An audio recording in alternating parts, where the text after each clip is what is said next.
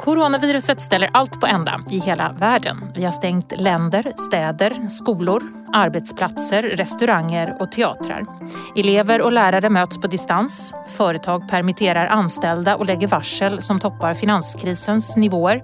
Och vi medborgare avbokar våra resor, jobbar hemifrån och undviker folksamlingar. Men i coronakrisens spår uppstår också möjligheter. Vi övar oss på att mötas digitalt, inte minst i skolans värld. Och vi som ännu inte handlat på nätet gör det nu som aldrig förr faktiskt.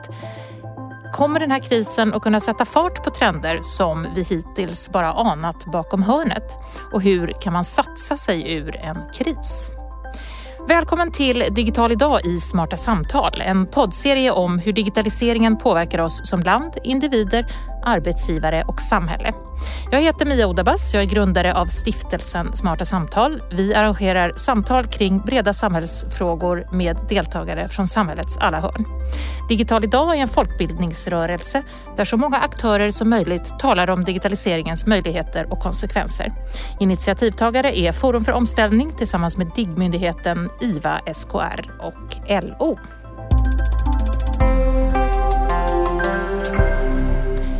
Idag har vi bjudit in tre gäster som från sina respektive horisonter ska prata om digital omställning i coronakrisens spår. En börsbolags-VD, en representant för de lite nyare bolagen, ofta digitala från start och en rektor från skolans värld. Välkommen Martin Lundstedt, VD för AB Volvo. Tack så hemskt mycket. Tack Mia. Välkommen Susanna Campbell. Du är aktiv ängelinvesterare i många digitala startups och också styrelseproffs, bland annat i Northvolts och Kinneviks styrelse. Du har också varit med och dragit igång Norrsken Foundations investeringsverksamhet. Tack så mycket. Och välkommen Malin Belander. Du är rektor på Nacka Praktiska Gymnasium. Mm, tack. Jag tänker att vi ska börja med att höra vad som ligger överst på ert bord just idag. Martin, du har precis dragit igång produktionen igen efter att den har stått stilla några veckor. Vad tänker du mest på just nu? Det som är överst på vårt bord just nu det är att vi långsamt börjat dra igång produktionen i Europa och eh, vi förbereder för Nordamerika och Latinamerika också efter en relativt lång nedstängning, eh, i princip fyra veckor. Eh, och självklart att kunna göra det under förhållanden som säkrar en bra säkerhetsnivå för våra medarbetare och andra aktörer. Men, men också att eh, successivt få tillbaka en ekonomisk aktivitet naturligtvis. Vi har haft en situation där i princip eh, 90 procent av vår industriella verksamhet globalt eh, har stått still. Vi har kunnat upprätthålla produktion i Kina, i Korea, i Japan men i resten av världen har det stått stilla. Det står ju väldigt högt på vår agenda nu att försöka hantera Eh, den initiala chocken, eh, hälsokrisen, eh, vara en bra samhällsaktör och hjälpa till i de frågorna men samtidigt både planera och agera parallellt för att minimera eh, de mer långtgående skadorna och kunna göra det eh, både också. Mm. Omstart för AB Volvo nu alltså. Sanna, vad tänker du på just nu mest? Jag jobbar med så många olika bolag på olika sätt. Så att, eh, senaste veckorna har varit otroligt fyllda av telefonkonferenser, uppkoppling via länk för att kunna eh, se till att jag pratar med alla bolag, alla vd eh, och verkligen försöka tänka igenom finansieringsbehov, eh, kostnadsanpassningar och även förstås eh, att vi håller i satsningarna framåt. Så att, eh, svårt att peka ut en enskild situation. Mina dagar är väldigt fyllda av väldigt många saker. Mm, Malin, vad gör du? Ja, vad gör jag? Jo, jag har jättemycket dialog med elever och framförallt elever i årskurs tre som ska ta studenten om några veckor. Eh, och allt ifrån att deras största oro är hur ska utspringet gå till? Eh, och det kommer ju tyvärr inte kunna gå till därför att de får inte ha det och mösspåtagning som skulle ha varit om några veckor och sådär eh, är ju inställda. Men min, det jag brottas mest med det är ju hur vi ska se till att de faktiskt får den examen de ska ha. Eh, att nå de kursmålen som krävs i yrkeskurser. Vi ska ju ändå skicka ut eh, ett hundratal eh, blivande bilmekaniker, elektriker, eh, frisörer och så vidare som ska ut och jobba. Och många är ju nästan färdiga, det är inte så mycket kvar. Men eh, vi ska ändå liksom sy ihop deras treåriga utbildning och det är inte så lätt på distans men det går. om man vill så kan man. Mm, så det håller jag på med. Alldeles mm. strax höra lite mer om det. Det är ju en exceptionell situation får man säga. Nu Martin startar ni om då i eh, Europa eh, den här veckan. Hur, på vilket sätt kan man säga? Ni har permitterat 20 000 anställda. Ni har stoppat produktionen sedan ungefär en månad tillbaka. Nu drar ni långsamt igång. Hur ser planen ut framåt? Ja, först och främst kan man ju säga så att 20 000 anställda är ju det som vi har permitterat till eh, korttidsarbete i olika former i Sverige. Men tittar man eh, globalt sett, vi har ju ungefär 20-25 procent av våra anställda i Sverige. Eh, så, så är det betydligt fler naturligtvis och det har varit en stor övning. Dels att kunna hantera en nedstängning på en så kort tid på ett, på ett ordnat sätt. Eh, kunna hantera som, som jag sa hälsa och säkerhet för våra medarbetare. Eh, och eh, nu vad vi försöker göra som jag sa det är ju att parallellt planera för en mer eh, målbild för, för Volvo och våra eh, kunder och, och eh, återförsäljare och, och leverantörer i olika faser av det här förloppet.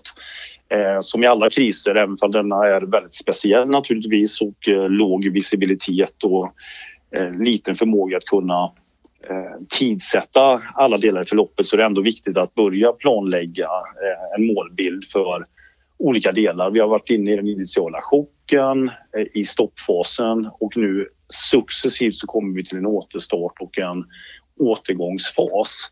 Jag tror man ska göra skillnad på både återstart och återgång och sen så det som man brukar säga det nya normalläget som inte kommer se ut, tror vi, som det, som det gjorde innan då. Men hur kommer och, det nya normala se ut? Det är väldigt svårt att sia om för fortfarande så har vi ju inte den eh, förutsägbarheten hur långt det här förloppet kommer vara, och vilka konsekvenser det kommer få eh, under en lite längre period här. Och eh, vår övertygelse är ju att det här ganska snabbt nu flyttar sig från en utbudskris, det vill säga att vi var tvungna att stänga ner verksamhet beroende på att det varit svårt att få fram komponenter och system från våra värdekedjor mer och mer mot en efterfråge Eh, kris och efterfrågesituation som, som kommer att skapa frågetecken på hur kommer återgången se ut när det gäller till exempel volymer och aktivitet och hur, hur hög kommer aktivitetsnivån vara egentligen här när vi successivt kommer ur eh, det mer akuta läget och eh, det förbereder vi oss för nu att ha en bra flexibilitet helt enkelt.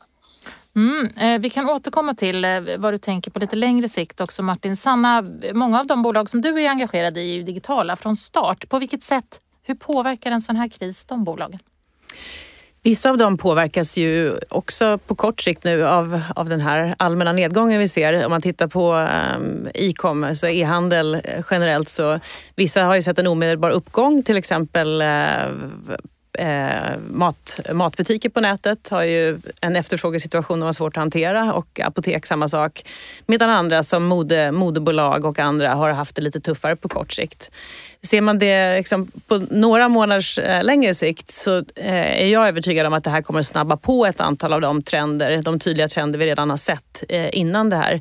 Övergången till digital handel till exempel tror jag kommer få en rejäl knuff efter det här. Så jag tror att vi kommer att ha ändrat vissa beteenden lite mer permanent. Så vi kommer inte komma ut i status quo tror jag. Sen exakt hur den här framtiden ser ut är jättesvårt att säga om. Ehm, för jag håller med Martin där att, att det vi kommer ju se en efterfrågan som kanske fundamentalt sett är, är lägre. Eh, och det är klart, det påverkar alla. Men samtidigt som andel tror jag att e-handelsbolagen kommer komma ut som, eh, som stora vinnare av eh, det vi ser nu. Det är hela kundgrupper, som, men äldre målgrupper kanske framför allt, som nu tar tydliga klivet över i eh, att vänja sig vid att handla digitalt. Och jag tycker i alla fall att eh, e-handel är väldigt eh, beroendeframkallande när man väl är där. För det Eh, enkelheten är ju slående. Nu jobbar man ju mycket med, med hemleverans till exempel. Det är också firmor som ser ett rejält uppsving nu. Att folk vill ha varorna hem och inte till postombud och annat. Ehm, så eh, det finns helt klart stora möjligheter och vissa har ju problem att klara, eh, klara att leverera nu för att de ser sån enorm uppsving. Mm, vi kommer att återkomma lite till de här förändrade vanorna. Jag tänker Malin, för dig som leder en, eh, ett praktiskt gymnasium där man har många praktiska moment också, yrkesutbildning. Hur sköter man det på distans? Ja, hur sköter man det? det är ju, alltså för oss handlar ju det mycket om, vi har ju lärlingsutbildning det innebär ju att våra elever ska vara ute minst 50 procent under hela sin utbildning på ett företag eh, och arbeta Och också göra kursmål. Det är ju liksom delar av kurser som är förlagda till företag. Och där är ju vi otroligt glada och tacksamma för att företagen fortfarande tar emot våra elever. För, så våra elever kan vara ute på sin APL och följa den hela tiden och kanske till och med kan öka den lite grann eh, för att kompensera för det vi inte kan ge inne i skolan. För det vi kan ge det är ju fjärrundervisning via eh, liksom Google Meet-funktioner och eh, ja, men, inlästa läromedel och digitala läromedel och, och den delen och lärarcoachning. Men att, att liksom mecka bilar eller klippa hela familjen varje dag, det kan man inte göra. Det går kanske en liten stund men sen är ju inte familjen så glad och nöjd när de inte har något hår kvar till slut. Eller när pappas bil har fått ny kamrem fyra gånger under samma vecka. Då kan de få komma hem till mig och fixa med både håret och bilen. ja. Martin, jag vet ju att det, det är flera trender som eh, i spåren av digitaliseringen som påverkar er sektor också. Ni pratar mycket om elektrifiering, självkörande nämner du själv där, uppkopplingen. Vad händer med de trenderna? Jag vet ju att ni har satsat stort på det här. Hur vågar ni fortsatt tro på den typen av innovation och satsa framåt i ett sånt här läge?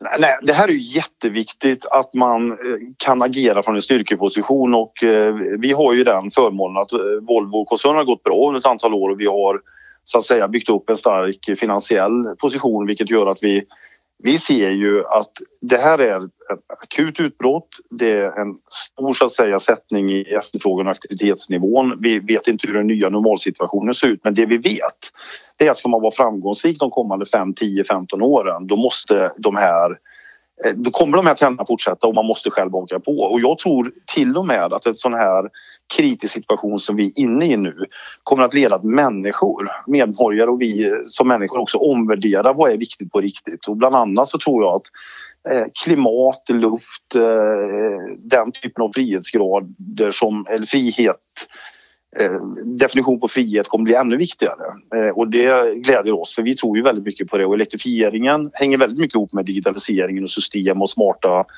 eh, sätt att koppla upp för att få räckvidd och bra eh, uppföljning och så vidare. Så där har vi bestämt oss att vi kommer fortsätta att satsa och kanske accelerera den utvecklingen också för att vi behöver kanske droppa några av de andra eh, utvecklingstrenderna helt enkelt. Så på vilket sätt accelererar ni den här utvecklingen nu?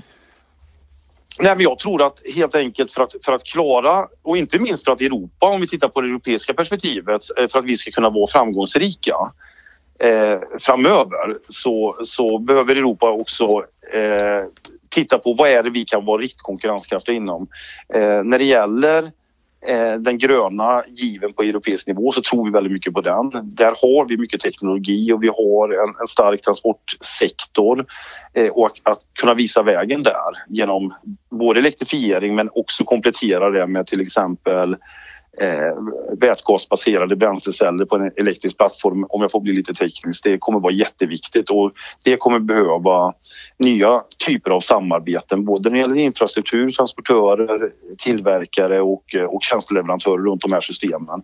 Och eh, då behöver vi liksom satsa hårdare på några spår som vi tror kommer vara hållbara för framtiden och det är ett sånt spår. Så att, eh, därför så eh, nu när vi går igenom våra planer och behöver anpassa nivåerna så säger vi att det här är sånt som ska vara kvar och stärkas så att vi kommer ännu snabbare framåt. Så ni prioriterar i princip eh, hårdare och tydligare? Ja, det måste vi ju göra i en sån här situation som gäller alltid när, när aktivitetsnivån så att säga förändras. Och det här är en sån sak vissa delar inom det självkörande för att det kommer komma snabbare inom tunga eh, fordon för att det finns mer så att säga. Eh, applikationsområden som det passar för. Eh, men också som vi sa, digitaliseringen och nu när man jobbar på ett annat sätt så kommer man ju dra slutsatser eh, av det också för framtiden så att säga. Hur ska vi organisera bolaget med en, en bra decentraliserad struktur med beslutsfattande så långt ute och iterera med kunderna när det gäller nya typer av innovationer. Mm. Sanna, du var inne på det att det här kanske kan eh, accelerera trender som man redan ser och förändra vårt beteende på allvar. Martin är ju lite inne på det också här att han blir tvungen att prioritera tydligare. Mm. Jag håller verkligen med Martin i det, i det han säger. Jag tror att de här klimatfokuserade investeringarna och så som vi har sett, eh, det, det är de som kommer komma som vinnare ur det här. Eh, tittar man på kapitalmarknaden, jag tror banker, investerare, alla kommer prioritera hårdare, bolag kommer prioritera hårdare. Och det här med elektrifiering handlar inte om att sitta och vara snäll utan det handlar om globala megatrender. Eh, som, alltså allting rör sig i den riktningen, det vet vi idag. Eh, och det här kommer ytterligare påskynda för att alla kommer sitta och prioritera mycket hårdare. Eh, vi har haft dialog med, med banker återigen som sagt som, som i det här eh, ja, lite system overload som de sitter i så kommer de prioritera gröna eh, initiativ framför eh, andra smutsigare. Så jag tror att det här kommer påskynda sånt som vi redan eh, såg. Och, eh, så jag är faktiskt ganska eh, förhoppningsfull vad gäller det. Eh, Malin, arbetsmarknaden förändras ju. Eh, vi som individer kommer att förändra våra beteendemönster. På vilket sätt ser du att skolan förändras nu som kommer hänga med oss e- även efter den här krisen? Alltså det går ju så himla fort och nu har man inget val. Jag tänker att vi, vi har ju pratat digitalisering i skolan sedan jag gick ut min lärarutbildning i slutet på 90-talet. Och då var ju liksom statens lösning och kommunernas lösning, det var att säga så här, här är en dator, varsågod, nu har vi digitaliserat. Och det är klart att ingenting händer när man bara ger folk liksom teknik i händerna som ingen kan hantera. Men det som har hänt den här gången, det är att nu har man inget val, man kan inte vänta. Utan nu är det liksom i övermorgon händer det. Eh, nu ska vi få det här att flyga och du är, ska vara med på det här tåget. Så det är klart att vi har haft massa liksom, problem och vi har haft, haft lärare som har haft jättesvårt att ställa om till att nu ska jag sitta hemma och jag ska undervisa på fjärrundervisning och jag ska se mina elever på en skärm. Eh, till att vi har haft elever som har haft svårt med det här också där vi faktiskt trodde att de var mycket mer digitaliserade än vad de var. Så jag tror att den stora förändringen är att vi kommer ha svårt att gå tillbaka till att bara ha vanlig lektionsundervisning i skolan. Det tror inte jag kommer se ut så om bara några månader.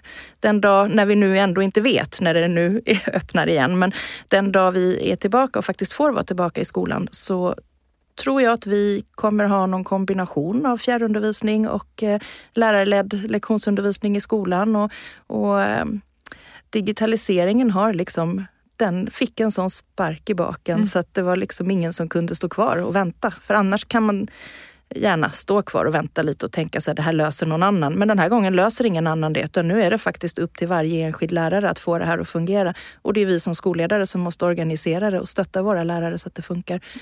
Mm, du beskriver en, en, stor förändring av skolans värld som, som vi liksom lite grann har sparkats mm. in i eh, med den här krisen. Martin, ser du samma sak i din bransch?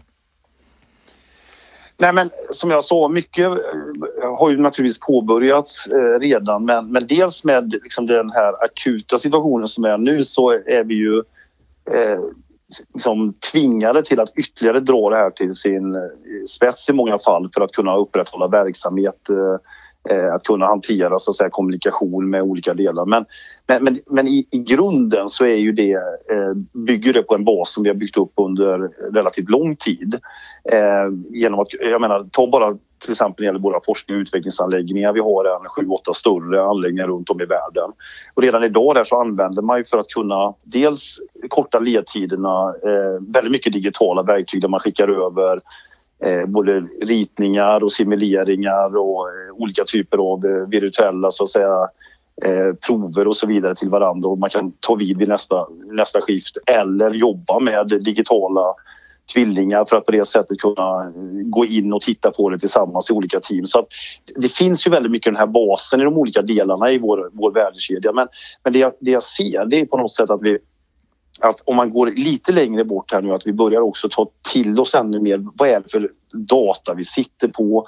Hur kan vi använda den ännu mer för att koppla ihop de olika aktörerna i värdekedjan? För att ofta när vi pratar digitalisering så pratar vi om att då jobbar vi inte tillsammans längre fysiskt. Men jag skulle vilja säga så här att digitaliseringen möjliggör ju fler aktörer i samma eh, värdekedja till exempel att jobba mycket tätare ihop, iterera snabbare, få fram lösningarna snabbare, låta kunderna vara med i både produktutveckling och tjänsteutveckling på ett helt annat sätt och så vidare. Va? Och eh, på något sätt så tror jag att hela det här sättet att vi inom citationstecken tvingas arbeta eh, dagligdags med det nu leder till också att vi, det, det, blir mer naturligt för det här är inte bara verktygen utan det är ett beteende, det är liksom disciplin att kunna jobba på det här sättet eh, och, och, eh, och, och träna sin liksom, sociala förmåga också. Att, eh, för, för någonstans så är vi ju individer och jag, jag, tror att väldigt mycket av innovation och bra affärer kommer från eh, liksom, mötet och förtroendet och det måste man också ha med sig i den här utvecklingen. Så digitaliseringen skapar mer samverkan på något sätt ändå? Sanna, vad säger du om det? Ja, men, jag, jag, tror, jag tror att den kan skapa mer samverkan om man förstår att liksom, det är inte bara att digitalisera de nuvarande kontakterna till exempel i en värdekedja eller ett affärssystem utan att man kan involvera fler aktörer och skapa bättre lösningar. Liksom, ofta pratar man ju om populärt och man pratar om ekosystem och så vidare men jag tror verkligen på det liksom att kan man involvera fler, både i en, i en naturlig värdekedja men även kompletterande resurser och kompetenser som Sanna representerar vet jag många företag som sitter på specialistnischer som eh, genom att plugga in i, i, våra lösningar och tjänster kommer addera värde för Volvo men i, i slutändan för våra kunder och kunders kunder till exempel. Så det skapar ju möjligheter på ett annat sätt att låta fler vara med och bidra till en, till en slutlösning beroende, oberoende på vilken bransch man befinner sig i. Liksom. Mm. Jag håller med, verkligen med Martin i termer av att eh, det fysiska mötet tror jag kommer vara, eh, vara liksom ännu finare och ses som värd ännu mer när vi kommer ur det här. Eh, å andra sidan så kommer man kanske inte ses fysiskt li, lika mycket och i samma utsträckning för vi kommer faktiskt ha lärt oss ett annat beteende. Och jag tänkte på det när du beskrev skolan. Det är helt fantastiskt tycker jag vad vi ändå, om man ska se det positivt, vad vi har lyckats med senaste, eh, vad det nu är, sex, åtta veckorna här. Om man tittar på både skola och, eh, och eh, arbete. Om jag tittar på vårt hus där hemma med, med två barn och två vuxna och alla klarar att ha fungerande skola och fungerande arbetsliv hemifrån. Hade någon sagt det, och det är ju så utbrett, att vi faktiskt har fått det att fungera. Sen vill vi alla förstås återgå till att kunna ses mer och man känner, sig, känner ju själv hur man törstar efter mer fysiska möten. Men det är ju otroligt vad vi har lyckats med, återigen den här beteendeförändringen vi ser. En, en viss del av den är jag övertygad om kommer vara permanent eh, och kommer påverka många eh, ja, skolor, bolag, eh, ja, finns enorma möjligheter att ta vara på mm. som många gör. Men om vi avslutningsvis tittar framåt sådär en fem, tio år. På vilket sätt kommer vi att se på digitaliseringens utmaningar och möjligheter efter den här coronakrisen tror ni? Malin? Ja, men jag, jag tror ju att vi kommer ha en helt annan skola. Eh, om jag tänker ur ett skolperspektiv. Eh, jag tror att att, och det som är så intressant att också se när vi ställde om så här snabbt, det var att vi har fångat elever som kanske inte har varit närvarande, fysiskt närvarande i skolan på jättelång tid. Elever som kanske vi inte har sett fysiskt sedan i september för att de av olika skäl inte fixar själva skolbyggnaden de har full närvaro idag. Vi har mycket, mycket bättre närvaro på våra elever än vad vi hade innan. Eh, så jag tror att på lång sikt så kommer vi ha någon form av kombination av eh, fjärrundervisning, eh, skolförlagd undervisning, praktiska moment kommer vara i kanske än större utsträckning utlagda på APL för många, eh, där många företag också ser vinsten i att, att eh, kunna samverka med skolan tidigare. Eh, så jag tror att vi, vi att det inte kommer att se ut som det gjorde för bara några veckor sedan, det är jag rätt säker på. Och jag tror att det kommer handla om en kombination av många saker. För lite som du säger Sanna, det fysiska mötet kommer att ses som något exklusivt och fint. Och det tycker jag är någonstans det man också hör lite nu från, från våra elever. Åh, vi längtar in till skolan. Kan inte vi bara få komma in och träffa er lite? Kan vi få ta, komma och fika? Så att det finns liksom en annan, ett annat behov än vad vi kanske trodde att det fanns för några veckor sedan. Så jag mm. tror att vi kommer ha någon, någon, någon blandning. En stor förändring av skolan ändå Absolut, är det ju på. jättestor mm. förändring. Sanna, vad ser du framför dig? Jag tror att när vi tittar på det här om tio år så kommer vi se att det här var en tydlig knäck i kurvan för många verksamheter. Eh, en tydlig knäck uppåt för många digitala verksamheter och tyvärr eh, på samma sätt en tydlig knäck neråt för en del verksamheter som är mer offline och inte riktigt har hängt med i den här digitala utvecklingen. Så eh, beteendeförändringar tror jag vi kommer se att de kanske till eh, hälften var permanenta och hälften återgår ungefär. Ehm, och eh, återigen, många av de här trenderna som redan var på G, eh, de kommer ha förstärkts och kommer gynna väldigt många bolag. Men jag tror också vi kommer se nya samarbeten, jag hoppas det, med, mellan storbolag och startups. Vi har haft lite kanske isolerade, eh, isolerade rör där. Eh, men nu med lite mer begränsad kapitaltillgång och annat så hoppas jag att vi också kan se nya kreativa samarbeten som gör att det ser eh, ännu mer eh, sammanvävt ut om några år. Martin, vad ser du framför dig när det gäller er och er bransch? innan jag kommer in på det så, så håller jag med. Jag, jag, tror att en sak som vi kommer se som en effekt av detta det är att väldigt stora delar av samhället, inte bara Sverige och runt om i världen har liksom fått en ordentlig crash course i digitalisering utan att man kanske tänkte på det. Och på det sättet fått ett annat förhållande till det. För det har låtit som någonting som man inte riktigt vet vad det är. Eh, och det tror jag är jättebra. Det kan vara via e-handel eller digitala möten eller utvecklingsverktyg eller eh, utbildningar online eller vad det nu kan vara. Så, så det tror jag i sig är väldigt bra för liksom samhällets utveckling att, att bejaka det här som en viktig del av eh, den framåtriktade aktiviteten i samhället för att vi ska liksom hänga med, ha en bra konkurrenskraft och, och, och klara de riktigt stora utmaningarna. För någonstans så är ju för mig inte digitaliseringen ett mål i sig utan det är ju att, att liksom driva på den utveckling som vi måste ha när det gäller den gröna utvecklingen, mer hållbara samhällen, skapa bättre cirkulära system. Inte bara hållbart det vi sätter på marknaden idag utan att det blir mycket bättre att permanent cirkulera de resurserna vi har i samhället. Det finns jättemycket att göra där. Och det ser vi redan idag nu när vi pratar om eh, möjligheter med detta. Det kommer komma tillbaks eh, till exempel nyare fordon och eh, hur kan man växla ut den äldre flottan, göra liksom en, en, en, en, en förändring ganska snabbt när det gäller hur faktiskt samhället befinner sig här och nu när det gäller till exempel utsläpp och sådana saker. Så att, men också skapa liksom hållbara cirkulära eh, system som inte bara eh, finns nu för att skapa efterfrågan utan som blir permanentare så att säga. Så att Eh, Eh, jag är helt enig med vad både Malin och Sanna sa. Jag tror det kommer förändra beteende både på arbetsplatser, i förhållande i, i eh, hur man gör affärer men också eh, i bedömningen vad är viktigt på riktigt liksom, och var ska vi satsa våra resurser för att vara framgångsrika i, i morgon och övermorgon. Liksom. Mm, intressant om vi kan i efterhand se den här krisen som någonting som ställde just den här frågan som du sa nu Martin, vad är viktigt på riktigt? Um, vi får följa upp den här podden om typ en fem, tio år och se vad som har hänt av detta. Stort tack för att ni var med i Digital idag i Smarta Samtal Podcast. Sanna Campbell, Malin Belander och Martin Lundstedt. Tack så mycket. Tack. Tack. Det här programmet görs på Beppo. Beppo.